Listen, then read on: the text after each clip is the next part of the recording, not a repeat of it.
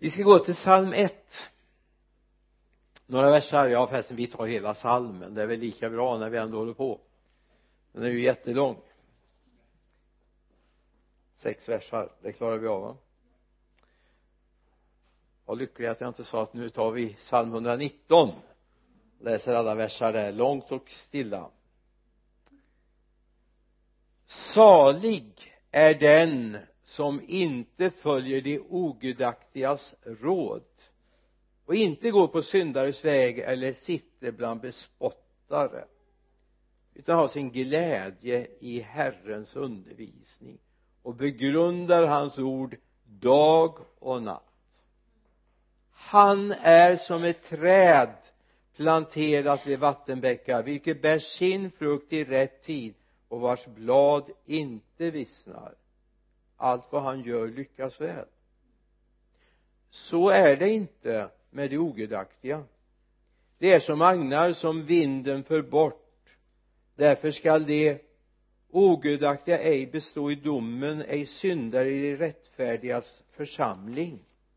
Ty Herren känner de rättfärdigas väg men de ogudaktigas väg leder till fördärvet. Salig är den som inte tar råd av den oinvigde, den ofrälste eller den orättfärdige utan har sin glädje i Herrens undervisning. Amen. Herre nu ber jag att du ska låta det här få gå djupt in i våra hjärtan idag. Och herre inte bara blåsa förbi som en dagslända jag ber här att det ska bli någonting som består i vårt hjärta och som vi bär med oss i Jesu namn. Amen.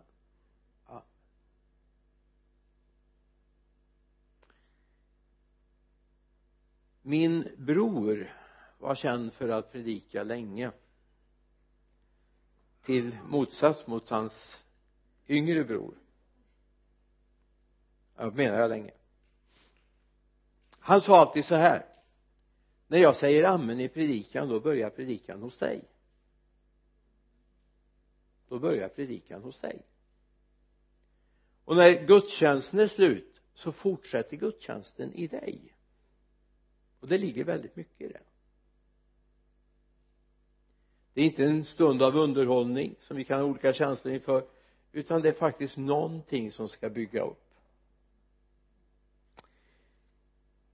Vi har talat om rötter idag va? En och annan som har noterat det. Ett träd bestämmer inte var den ska slå rot.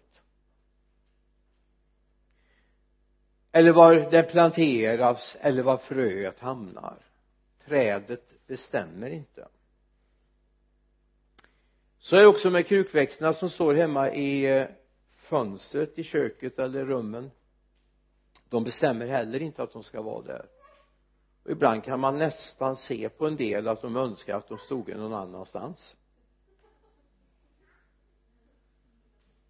De har inte fått den omvårdnad som de tyckte sig förtjäna.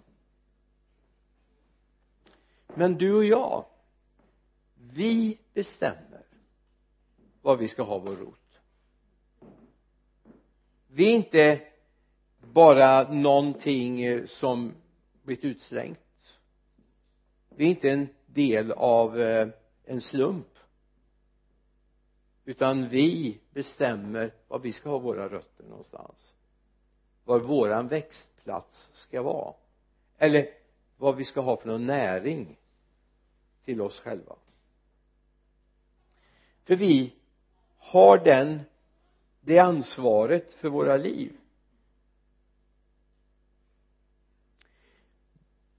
Om vi ser ett träd eller en rabatt med vackra blommor så vet vi att hemligheten till det lövrika trädet som skjuter skott på våren eller blommorna som slår ut det är inte blomman, det är inte bladen som är hemligheten. Det finns någonting som du inte ser.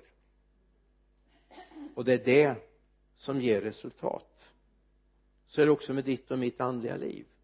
Det är inte ytan som bestämmer vilka vi blir utan hemligheten är det som finns djupast in i oss där vi är planterade. Vi kan bestämma om vi ska växa i den goda jorden. Vi kan bestämma om vi ska ha näringen ifrån honom som har skapat oss eller om vi ska vara planterade i en öken. Vi bestämmer det. Trädet bestämmer inte men du bestämmer. Det är skillnaden i skapelseordningen. Och det märks var vi har vuxit. Nu vet jag inte om den här bilden är riktigt eh, korrekt men jag vet jag är ju uppvuxen i växtriket som ni vet en del i pingsrörelsen, jag är i växtrörelsen. Det är lite olika uppväxtmiljöer vi haft. Men jag vet min far hade fått en märklig beställning en gång. Det var en man inne och skulle ha en begravningskrans. Och det skulle absolut vara mörkblå nästintill svarta blommor på en plats i den här kransen pappa ringde runt till alla leverantörer men kunde inte få tag i något. Då gjorde han ett experiment. Han tog ett knippe vita nejlikor. Vi odlade själva nejlikor så han vågade offra ett ganska stor del. Satte det i en vas med vatten och hällde på eh, karamellfärg i det här. Och så fick det stå över natten. Och det märkliga sker att blommorna är blåa på morgonen. Alltså det märktes vad det var för någon näring blomman drog upp. Jag är på att säga du behöver inte testa det nu och dricka karamellfärg. Du kommer inte ändra färg för det. Har du blå ögon så kommer du fortsätta ha det. Eller har du bruna ögon så kommer du fortsätta ha det och din hy kommer heller inte att förändras möjligtvis din munhåla. Men i växtriket händer det. Så är det också med oss. Det händer någonting med var vi finns vad vi tar in för någon näring vad vi sysslar med. Det sätter spår i våra liv. När eh, Jesus tar en liknelse så berättar han vid ett tillfälle om fyra växtplatser, fyra åkrar. Det är vägens åker det är stengrundens åker det är tistel och törnens åker och det är den goda jordens åker.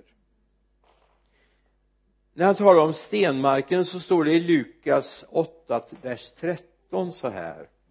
Lukas 8 vers 13 det på stenig mark är det som tar emot ordet med glädje när de har hört det. Men de har ingen rot. De tror bara till en tid. Och i frestelsens stund kommer de på fall. Tänk dig nu att man kan välja var man planterar sig vad man sysslar med. Tänk om man kan välja det man kan välja den goda jordens mark. Och vi har ett ansvar för att välja det. Efter 50 år som förkunnare så har jag märkt att det finns människor som planterar sina liv på stengrunden. Det flammar till enormt. Det är enorm hängivenhet under någon, några dagar, någon vecka. Men sen när det börjar kräva lite granna att ha omsorg om sitt andliga liv. När det inte bara gäller att bli matad utan jag faktiskt måste äta själv då vissnar mycket av det liv som fanns från början. Men det handlar faktiskt om att jag måste ta ansvar för vad mitt liv kommer att bli eller vad det kommer bli av det. I Matteus 7 ytterligare en liknelse från Jesus vers 16 då säger Jesus på deras frukt ska man känna igen dem. Inte plockar man väl vindruvor från törnbuskar eller fikon från tistlar? Så bär varje gott träd god frukt men ett dåligt träd bär dålig frukt. Ett gott träd kan inte bära dålig frukt inte heller kan ett dåligt träd bära god frukt. Skulle behöva ta en stund och utveckla den här tanken som Jesus har här.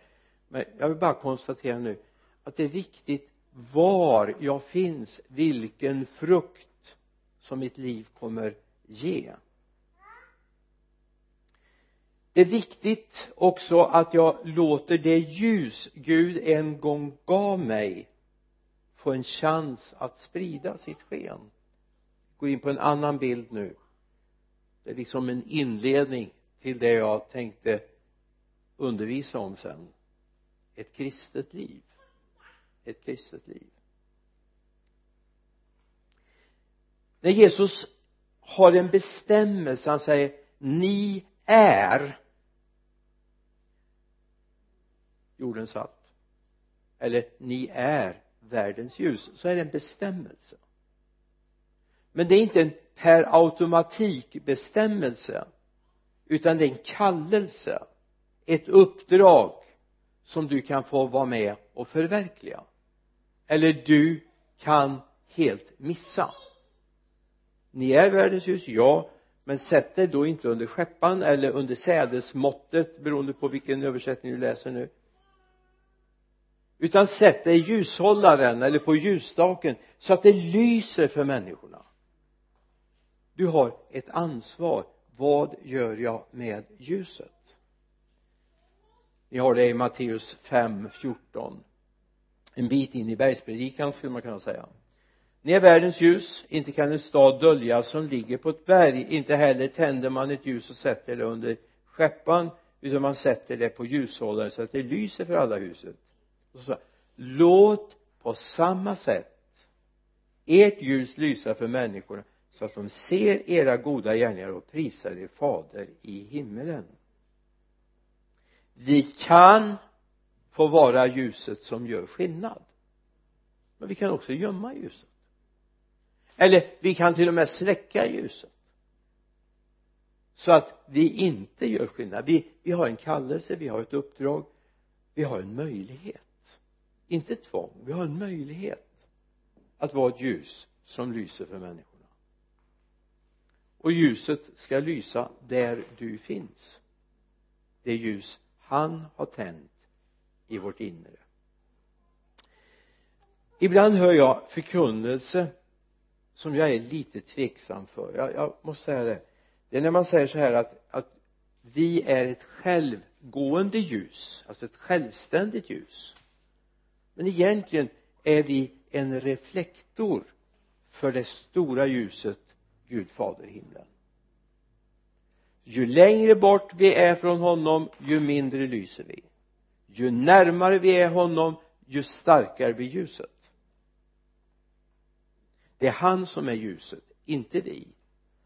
Men vi kan vara det om vi är nära honom. Det är viktigt att komma ihåg att min relation till Jesus min närhet till honom påverkar vilket ljussken som kommer ut ur mig. Det här talar Paulus om i andra Korinthierbrevet det fjärde kapitlet vers 6 till Gud som sa ljus ska lysa fram i mörkret. Han har låtit ljus lysa upp våra hjärtan för att kunskapen om Guds härlighet som strålar fram i Kristi ansikte ska sprida sitt sken. Ty Gud som sa ljus ska lysa fram i mörkret vad har han gjort? Jo han har låtit ett ljus tändas här inne. Men det har med att han är där. Så att hans ljus, inte vårt ljus, hans ljus ska sprida sitt sken. Så att människorna ser vem han är. Och i Johannes 1 det vi hörde förut här. Vers 4 och 5 står det i honom, alltså Jesus, var liv och livet var människornas ljus och ljuset lyser i mörkret och mörkret har inte övervunnit det i honom var liv och liv var människornas ljus. Alltså han var det ljus som tändes i oss. Och ljuset lyser i mörkret och mörkret har inte övervunnit det så låt det liv Gud har tänt hos dig bli synligt. Alltså jag har aldrig förstått mig på men det kan hända att det har med min begränsning att göra. Jag har aldrig förstått mig på det här med privat religiositet eller privat kristendom ingen religion inget vi tror på blir privat. Därför vi är det så är också med vår tro på Jesus. Om du tror på Jesus så kan det inte bli privat. Du kan aldrig hålla det för dig själv. Det är som att sätta skeppan över ljuset. Det funkar inte. Det är inte vår uppgift det är inte vår kallelse. Vår kallelse är aldrig att vara privat med vår tro. Utan det är att vi ska låta det Gud har gjort i oss lysa för människorna. Det handlar inte om att vi ska prata så förfärligt mycket eller säga så mycket. Utan det handlar om att det liv som finns i oss ska bli synligt. Inte tänder du ljuset och låter det sitta under skeppan utan du låter det lysa för alla som är i huset. Mose var en, en härlig människa, eller hur? Wow! Tänk vilken härlighet när han fick gå upp på berget där och två gånger om var han uppe och fick lagtavlorna. Och så var han med, med Gud. Och när han kom ner så hade Aron och hans närmaste de hade lite problem med honom för att det strålade för mycket. Han sa han hy strålade så starkt. Så um, han fick hänga ett täckelse för. För att inte de skulle bli bländade när han umgicks med dem. Och så var det ju så här att den där glansen börjar falna. Vi kan läsa om det senare sen. Hebreerbrevet är väl som har det. I andra Korinthierbrevets tredje kapitel så att han lät det här täckelset hänga kvar trots att glansen från hyn hade börjat falna. För att man inte skulle upptäcka det. Jag tycker inte det var någon bra grej alltså. Jag, jag tycker inte det var riktigt okej okay av honom att behålla någonting tro att människor skulle tro att nu han, han är så helig vår Mose så att vi kan inte vara med honom om inte han har täckelset för ansiktet. Då är det bättre. Du kan också få en utstrålning. Men lura inte människor att du har den om du inte har den. Utan var nära honom istället. Mose hade en tajt relation med Gud. Han talade med honom ansikte mot ansikte som den ena människan plägar tala med den andra står det. Du kan också ha en sån relation till honom. Varje dag kan du få umgås med honom så att det blir en utstrålning i ditt liv. Försök inte spela utstrålning om den inte finns där. Ta istället tid med honom även det träd som inte har fräscha rötter det kommer också synas. Det kommer också synas. På vintern åtminstone jag som är dålig på det här med med, med eh, träd och sånt där. Jag kan knappt tala om vilket som är en lönn och ja, björkar vet jag för de har vit stam. Det kan jag. Alar vet jag också hur de ser ut och aspelöv darrar vi säger de. Jag är värdelös på det men ett lövträd på vintern ser dött ut. Åtminstone för ett otränat öga. Min pappa hade aldrig gått på det. Han såg vad som var dött och inte dött. Men jag går på det. Och så kommer solen och våren och de lite längre dagarna. Då ser man att någonting händer. Man ser hur skotten börjar spränga fram. Så småningom blir det grönt och så ser man här finns det liv. Och så kan man se när man bortanför eh, diabaskurvan här så var det ett år som man såg träd. Vi åker ofta förbi det. Man såg inte på vintern att de var döda men när våren hade kommit och, och, och sommaren brutit in då såg man att här var träden döda. Du vet när, när Guds ande kommer i en församling också så ser man var det finns liv. Och då ser man var det inte finns liv. Så ju mer Guds ande kommer i en församling ju tydligare blir det om det finns ett äkta liv eller ej. Och nu får vi ju inte ha så här så vi säger käre Gud låt inte det komma så mycket av din ande så att det avslöjar sig hur det ser ut. Utan snarare ska vi be och ropa till Gud kom med din andes vind så jag ser hur det är ställt med mitt liv. Så jag kan göra någonting åt det. Om du inte redan är medveten om hur det är.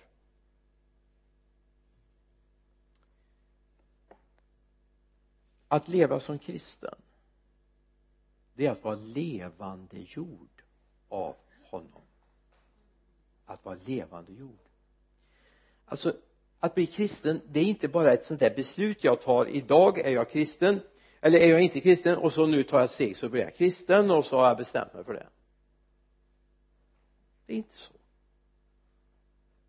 Utan det handlar om en födelseprocess. Det är ett nytt liv som ska födas.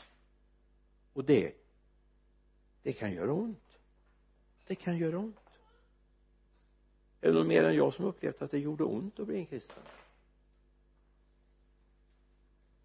Ja, är man ung och man kanske inte har varit med om så mycket så kanske det är bara liksom wow det tändes en ny gnista i mitt inre. Men det kan göra ont därför att i detta så är det ett döende också. Jag dör bort från mitt gamla liv. Och det är aldrig enkelt att lämna det gamla. Alltså jag kan inte klistra på en kristen etikett på mitt gamla liv jag menar, det är ju ungefär som att jag har en, en gammal skrotig eh, ja Saab kan man ju ta nu då när de inte jo de ska visst börja tillverka dem igen nu ja visst. Men ta en gammal eh, V4 Saab. Jag menar eh, om jag tar en lapp eh, en ny etikett och sätter på Cadillac så är det ju ingen som går på det. Men jag får försöka inbilla mig men, men det blir inte en Cadillac. Det blir inte en Rolls Royce bara för att sätta på en sån devis på bilen bara för att du sätter på en etikett jag är kristen så är det inte säkert att du är en kristen. Du måste vara född på nytt. Det fick Nikodemus erfara när han möter Jesus den här natten. Nikodemus du måste bli född på nytt för att förstå det och du måste bli född på nytt för att komma in i det här. Och det är det det handlar om. Och det är viktigt att vi låter oss födas på nytt så att Guds ande får börja arbeta i mitt inre. I Matteus 24 49 finns en hemlighet. Egentligen ett längre avsnitt men jag nöjer mig med vers 49 och den här har den här versen har fullständigt bearbetat mitt inre under jättelång tid. Jag tror att jag till och med levde med den här på den tiden jag var ute i Salem så att John-Åke har hört mig tjata om det tidigare och ni har hört det ett antal gånger. Men det här är så oerhört centralt. Vi ska veta bakgrunden är den att kallelsen, uppdraget är, är uttalat. Matteus 28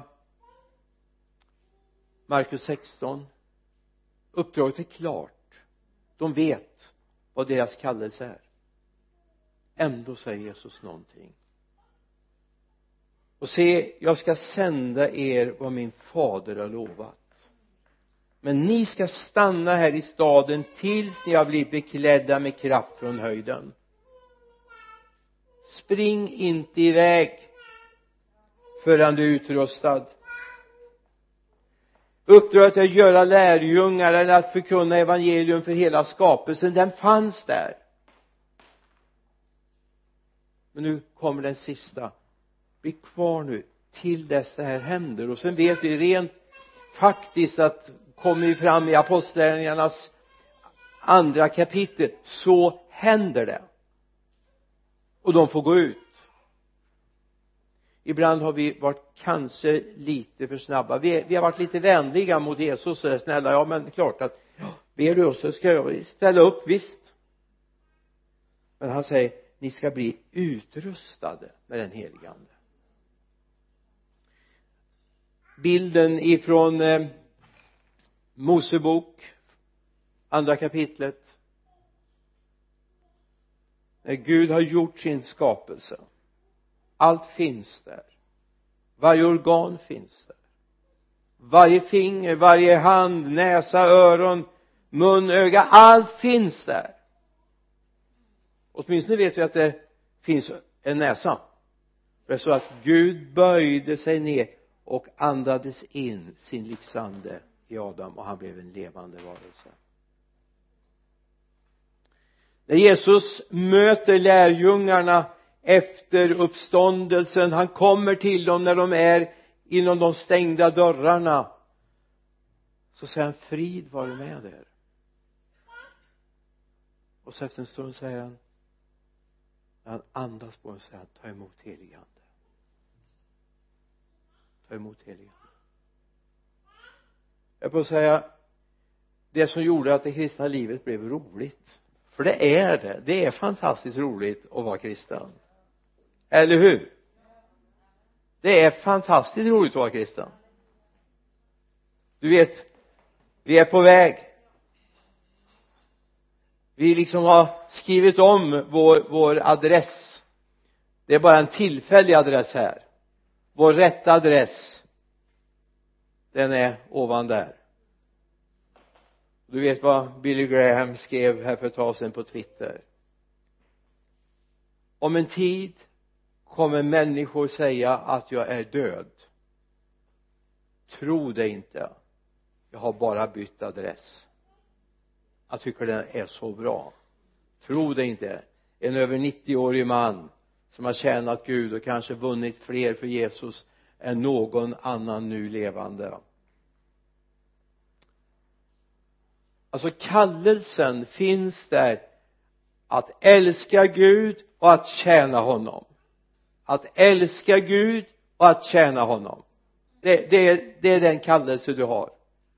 Det är det uppdrag som är ditt. Men du kan inte göra det i egen kraft.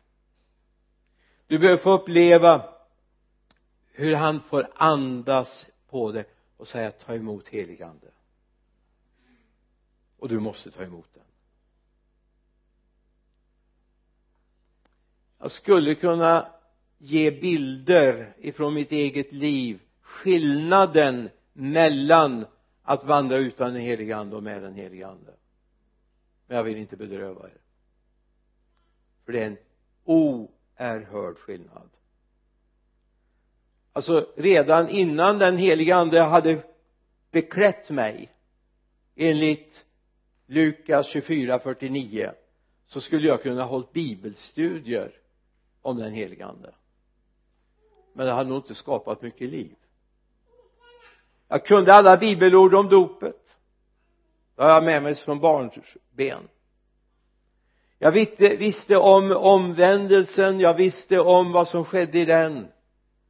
Men det hade inte blivit liv. Allting fanns där på plats. Precis som Adam var helt och fullt färdig men livsanden hade inte kommit in i honom. Och jag är så rädd att vi får en kristendom utan livets ande för den helige ande är en livgivande ande står det. Den första Adam var en leva, eh, blev levande jord. Den siste Adam precis som vi lärde oss i, i fredags det finns inte en andra Adam utan det finns en sista Adam. För det kommer ingen tredje Adam och det kommer ingen fjärde Adam skulle en och annan religionsstiftare vara väldigt glad om det vore så men det är inte så. Det finns en sista Adam. Han, hans ande blev en levandegörande ande. Så du kan få bli levande jord. Och det är en väldig skillnad mot att bara ha en intellektuellt övad tro. Är det någon som någon gång har funderat över är jag egentligen en kristen? Har du brottats med den frågan någon gång? Hur är det egentligen? Är jag på väg till himlen eller ej? Jag har ett botemedel. Jag har ett botemedel. Du ska aldrig mer behöva reflektera över den frågan. Aldrig mer, jag lovar. Visst kan det gå upp och det kan gå ner och känslorna kan fara upp och ner men den här botten den tryggheten jag hör honom till den kommer aldrig försvinna. Så vill du ha den? I romarbrevets åttonde kapitel så har vi några bibelställen vi ska läsa. Vi börjar med vers 1 så finns nu ingen fördömelse för dem som är i Kristus Jesus. I andra bibelöversättningar står det så finns nu ingen fällande dom för dem som tillhör Kristus Jesus. Ty livets andes lag har i Kristus Jesus gjort mig fri från syndens och dödens lag. Amen. Ty livets andes lag som du har kommit in under om den heliga ande har fått ta över ditt liv har gjort dig fri från syndens och dödens lagar. Har gjort dig fri från det. Vi går fram till vers 13 om ni nu lever efter köttet kommer ni att dö.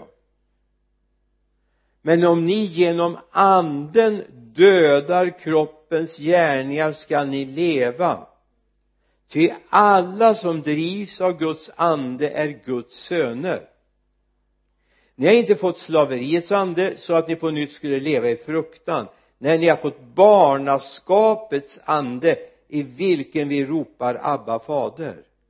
Anden själv vittnar med vår ande att vi är Guds barn. Alltså det finns eh, åtgärder som människor vidtar ni vet på morgonen är man trött och undrar liksom egentligen vad man heter och vart man är på väg egentligen va? Då har man satt lappar på på badrumsspegeln. Tack Jesus för att jag är frälst. Så bekänner man det. Och en del jag hörde någon som till och med hade spelat in en liten eh, snutt på sin mobiltelefon som precis när han var på väg till eh, till jobbet skulle gå ut genom dörren. Då, då pingla i telefon och så svarade man och så hade man själv tagit in kom ihåg att du är kristen idag. Du behöver inte det. Jag lovar dig. Om du har fått del av Guds ande så finns det ett vittnesbörd inuti dig som du inte behöver jaga fram. Utan det finns ett vittnesbörd som säger i ditt hjärta anden själv vittnar med vår ande att vi är Guds barn. Har du hört det vittnesbördet? Anden själv alltså Guds ande vittnar med vår ande att vi är Guds barn. Alltså har du det vittnesbördet? Behöver du aldrig vara bekymrad var du hör hemma. Sen får djävulen säga precis vad han vill. Djävulen han kan påstå en massa saker. Men han ljuger. Han är lögnens fader. Han kommer tala om att du duger inte, du räcker inte till. Det är ingen som älskar dig. Bara det är ju en lögn. Han älskar dig. Till och med när du levde ett liv utanför Gud och utan hopp i världen så älskade han dig. Så du älskade honom. Och när du har blivit hans barn så kommer han ta hand om dig. Så det är inte underligt vi säger att det är härligt att vara frälst. Känslorna kan åka upp och ner, ja. Ibland kan man fundera över saker och ting men i grunden finns det ett vittnesbörd ett barnaskapets ande och barnaskapets ande är ingenting du manipulerar fram. Utan barnaskapets ande är ett inre vittnesbörd i ditt liv som talar om jag är hans, jag hör honom till. Och jag har en sån längtan att varenda en av oss ska få det vittnesbördet i sitt liv. Det kan vara bökigt, det kan vara besvärligt det kan misslyckas på jobbet, det kan misslyckas i äktenskapen, det kan misslyckas i det mesta. Men få leva med det här vittnesbördet. Då får jag också möjlighet att ta tag i det som har misslyckats. Även om jag känner mig fullständigt förtvivlad över min situation så behöver jag inte leva i fruktan. Det står det i vers 15 ni har inte fått slaveriets ande så att ni på nytt ska leva i fruktan. Nej ni har fått barnaskapets ande i vilket vi ropar Abba fader! Ska vi testa? Hur, hur känns det att få ropa käre pappa till Gud? Käre pappa! Amen. Hörde du att han svarade? Han svarade i ditt hjärta nu. Du är mitt barn, jag älskar dig du är min ögonsten, jag älskar dig. Alltså Guds andes bevis i mitt hjärta gör att jag kan fröjda mig över hans frälsning. Även när det känns lite jobbigt. Därför att våra känslor kan faktiskt åka upp och ner. Ja, inte dina men mina gör det. Men jag är viss om att varken död eller liv ingenting i den här världen, ingenting under den här världen kan ta mig bort ifrån Guds kärlek i Kristus Jesus. Wow! Och då behöver jag andens vittnesbörd som hela tiden påminner mig om jag är Guds barn. Okej okay, jag menar det kan väl hända att jag inte är den bästa av alla. Men det finns ingen sån tävling i Guds rike att vara bäst av alla. Utan det finns bara en sak jag ska hålla mig nära honom i en syskonskara. Ni har aldrig mött det förstår jag men vi vanliga dödliga vi, vi, vi mötte det som barn. Att vi tävlade oss emellan. Nu fick han mer dricka än vad jag fick. Det är orättvist.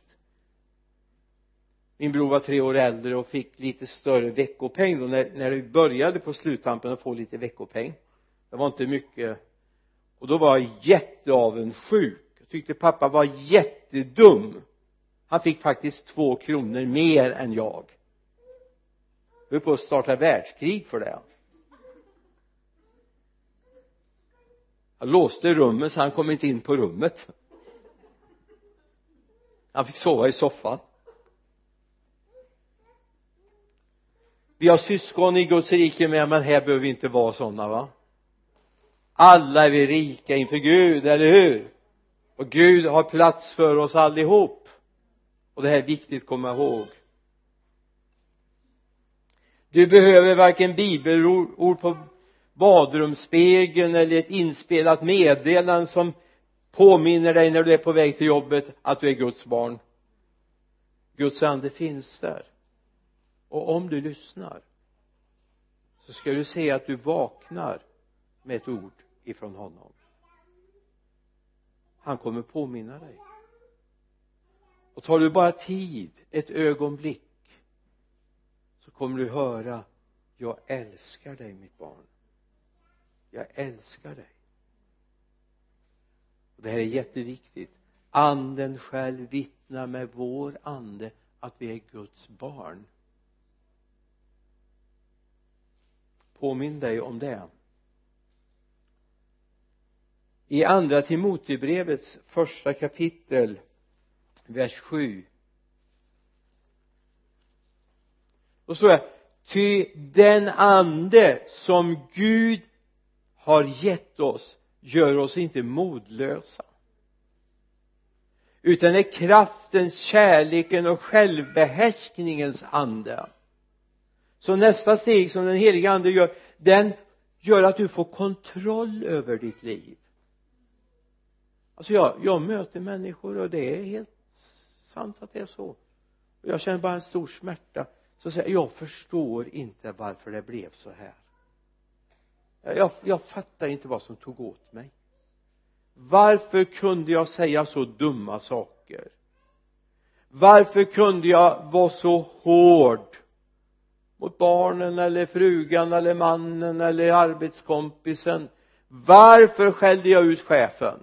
Som är så kanonbra egentligen. Den ande jag fått av Gud är en självbehärskningens ande. Och den ande som jag fått av Gud gör mig inte modlös. Är det någon mer än jag som har känt sig modlös någon gång?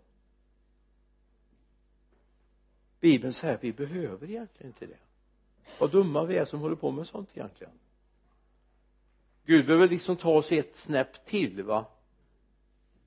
Okej okay, du har misslyckats men jag tar hand om det ändå. Du är inte där du skulle vilja vara egentligen. Anden uppenbarar också vad vi har fått av Gud det uppenbarar vad vi har fått av Gud. Halleluja. Wow. Alltså ibland jag vet det här uttalar vi inte. Vi säger inte så här. Nej det, det är vi för andliga för. Men i, här uppe är vi egentligen programmerade att vi är lite grann en produkt av slumpen, eller hur? Det blev bara så här eller det hände så. Det var en tillfällighet, det var turen eller använd vilket uttryck du vill. Jag tror inte vi är en produkt av slumpen. Vi behöver inte vara det. Utan vi kan få uppleva att Gud leder oss. Vi kan få uppleva att Gud leder oss. Det är inte en tillfällighet att vi är här eller där utan Gud bara längtar efter att vi ska gå med honom. Och så står det så här och det här tycker jag det här är jättejobbigt. Fruktansvärt jobbigt. Det står i första Korinthierbrevets andra kapitel vers 14 det borde du nästan sätta ögonen på va en oandlig människa kan inte ta emot det som tillhör Guds ande det är en dårskap för henne. Hon kan inte förstå det eftersom det måste bedömas på ett andligt sätt. Den andliga människan däremot bedömer allt men själv kan hon inte bedömas av någon. Till vem har lärt känna Herrens sinne så att han har kan undervisa honom? Sen tycker jag om den här versen. Men vi har Kristi sinne eller vi tänker Kristi tankar vi har Kristi sinne. Ja det är, det är lite övermaga egentligen va? Har vi Kristi sinne? Ja då brusar man nog inte upp. Då har man fått självbehärskning över sitt liv. Och jag säger på en gång att jag predikar för mig själv också. Det är inte så att jag talar om för titta nu här står det en perfekt människa. Han gör aldrig några fel. Så nu ska ni här. Auditoriet här nu ska ni passa er efter det här. Det står inte att ni ska bli som jag, det ska bli som han. Det är en väldig skillnad vet du. Men vi brottas med det här allihop. Vi är på väg och vi är inte färdiga. Alltså vi försöker ibland tolka andliga ting med ett mänskligt sinne. Det är ungefär som om vi har världens bästa bok fast den är på kinesiska och du kan bara svenska. Du vet ju inte ens åt vilket håll du ska läsa. Bakifrån och fram. Nej framifrån enligt deras sätt att se och bakåt. Fast för oss blir det ju bakvänt va? Och så sitter spalterna på sitt sätt och så här. Det går ju inte. Säg att det är en viktig instruktionsbok för hur din dator hemma fungerar eller någonting en manual. Du har ju manualen. Det finns ju nedskrivet. Men det hjälper dig inte. Så är det. Gud har skickat ut en manual för livet. Och den behövs Guds ande för att tyda, för att förstå, för att ta till sig. Därför behöver du den helige ande. Du behöver den helige ande för att klara en vanligt liv tillsammans med honom. Anden uppenbarar vem Gud är för oss. Alltså det finns människor som säger så här att det kristna livet är ett mysterium så jaha har du inte lärt känna Jesus? Med Jesus blir inget mysterium. Det är ju uppenbarat. Han är upp, Guds uppenbarelse. Det är klart känner jag inte honom då, då är alltihop ett mysterium jag menar varför är jag på den här sidan av jorden? Jag kunde lika gärna vara här nere eller varför går vi inte på händer? Varför ska vi gå på fötter? Och mm, vad, vad, vad är ljus och mörker? Men i Kristus är det uppenbarat det finns en mening, en plan Gud har placerat mig här. Det var inte en slump att jag föddes här. Gud hade en plan. Och till och med medan jag fortfarande var i min moders sköte så hade Gud en plan för mitt liv har du tänkt på det? Sen kan det ta några år innan vi är där. Men Gud har en plan. Det kan vara jobbigt för en del att, att förstå att jag har faktiskt en plan som jag en dag ska mätas emot men Gud har en plan. Jag är inte utslängd i den här tillvaron utan en mening. I det kristna livet med den helige ande så finns det en glädje det finns en frid. Romarbrevet 14.17 säger ty Guds rike består inte i mat och dryck utan i rättfärdighet frid och glädje i den heliga ande. Du kan få uppleva den heliga ande. Då kan du få uppleva en glädje och en frid. Och jag önskar verkligen att vi alla vore där. Om jag säger så här jag är oerhört tillfreds med mitt liv. Det är jag verkligen. Jag är väldigt nöjd med mitt liv. Och så säger någon ja men är du nöjd med allt? Jag är nöjd med mitt liv. Sen har jag önskningar. Jag skulle vilja vara helt frisk. Det vore fantastiskt. Jag skulle vilja se fler människor bli frälsta. Men jag är nöjd med mitt liv.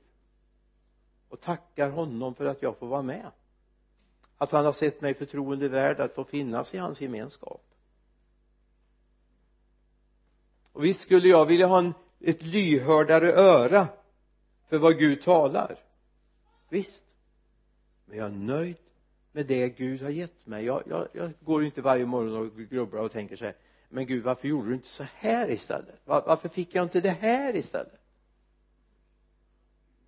Jag är nöjd med det Gud har gett mig tills nu sen har jag alltid en strävan och vill vidare. Jag vill ha mer.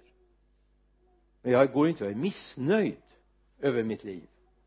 Jag tror inte du ska behöva göra det. Okej det finns en mängd saker som du inte har fått än i ditt liv. Det finns saker som du längtar efter både på det mänskliga planet och det andliga planet. Men var nöjd med det du har fått så kommer han ge mer. Jag tror det är en hemlighet i det. För mig löste det väldigt mycket när jag såg att Gud faktiskt har gett mig det som är gott det goda gåvor och fullkomliga skänker som kommer ner från himlaljusens fader hos honom så det inte finns någon växling mellan ljus och mörker. Yes. Salig är den som inte följer det ogudaktigas råd. Salig är den som inte följer de ogudaktigas råd. Därför att om jag har mina råd hos honom, mina källor där så kan jag inte hämta från världens människor råd.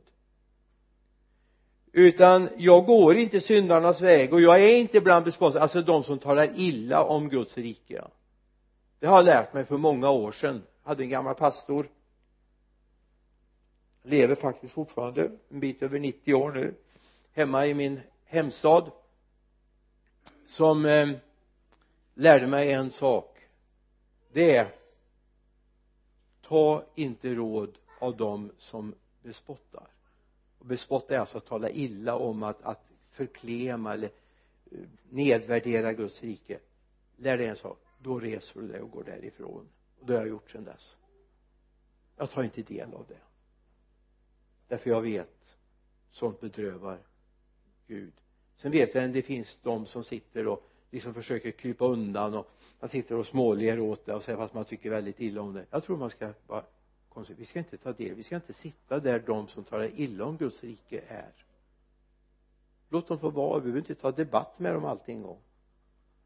Den bästa är kanske att visa jag tar inte del i det här. Lite får man väl ha ansvar för sitt liv.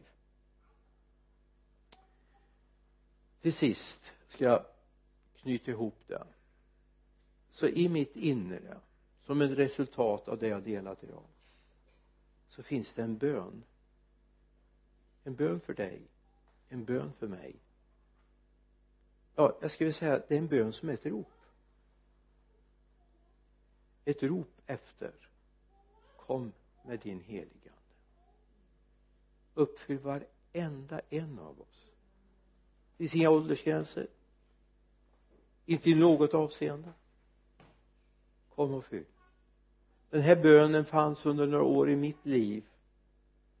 När jag var nyomvänd hade börjat vandra med Jesus.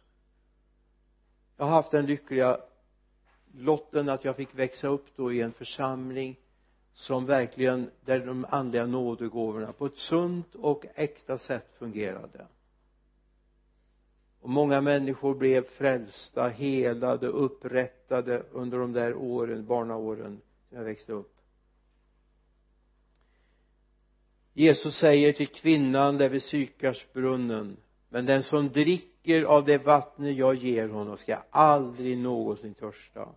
Det vatten jag ger skall i honom bli en källa som flödar fram och ger evigt liv den bönen har jag att du ska dricka ur den källan. Att det är det flödet som ska få finnas i ditt liv.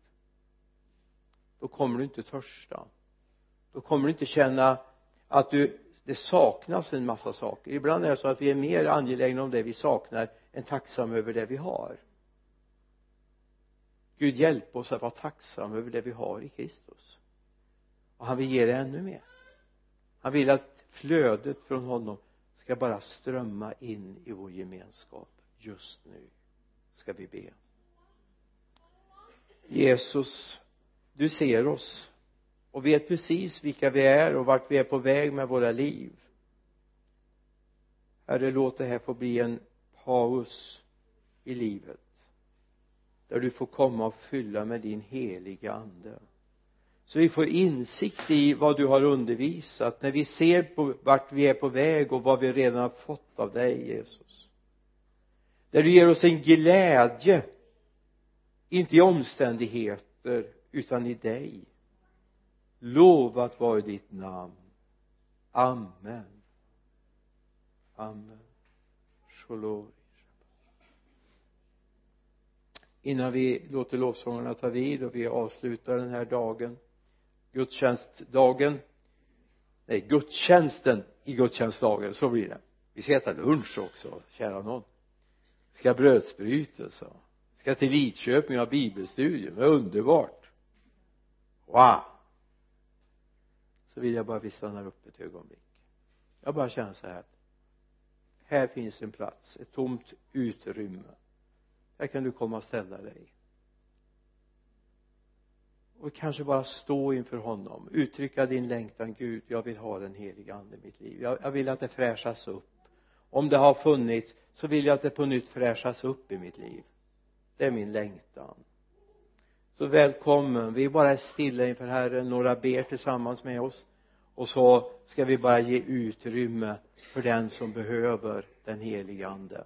Och vi är i bön under tiden. Bara stillhet.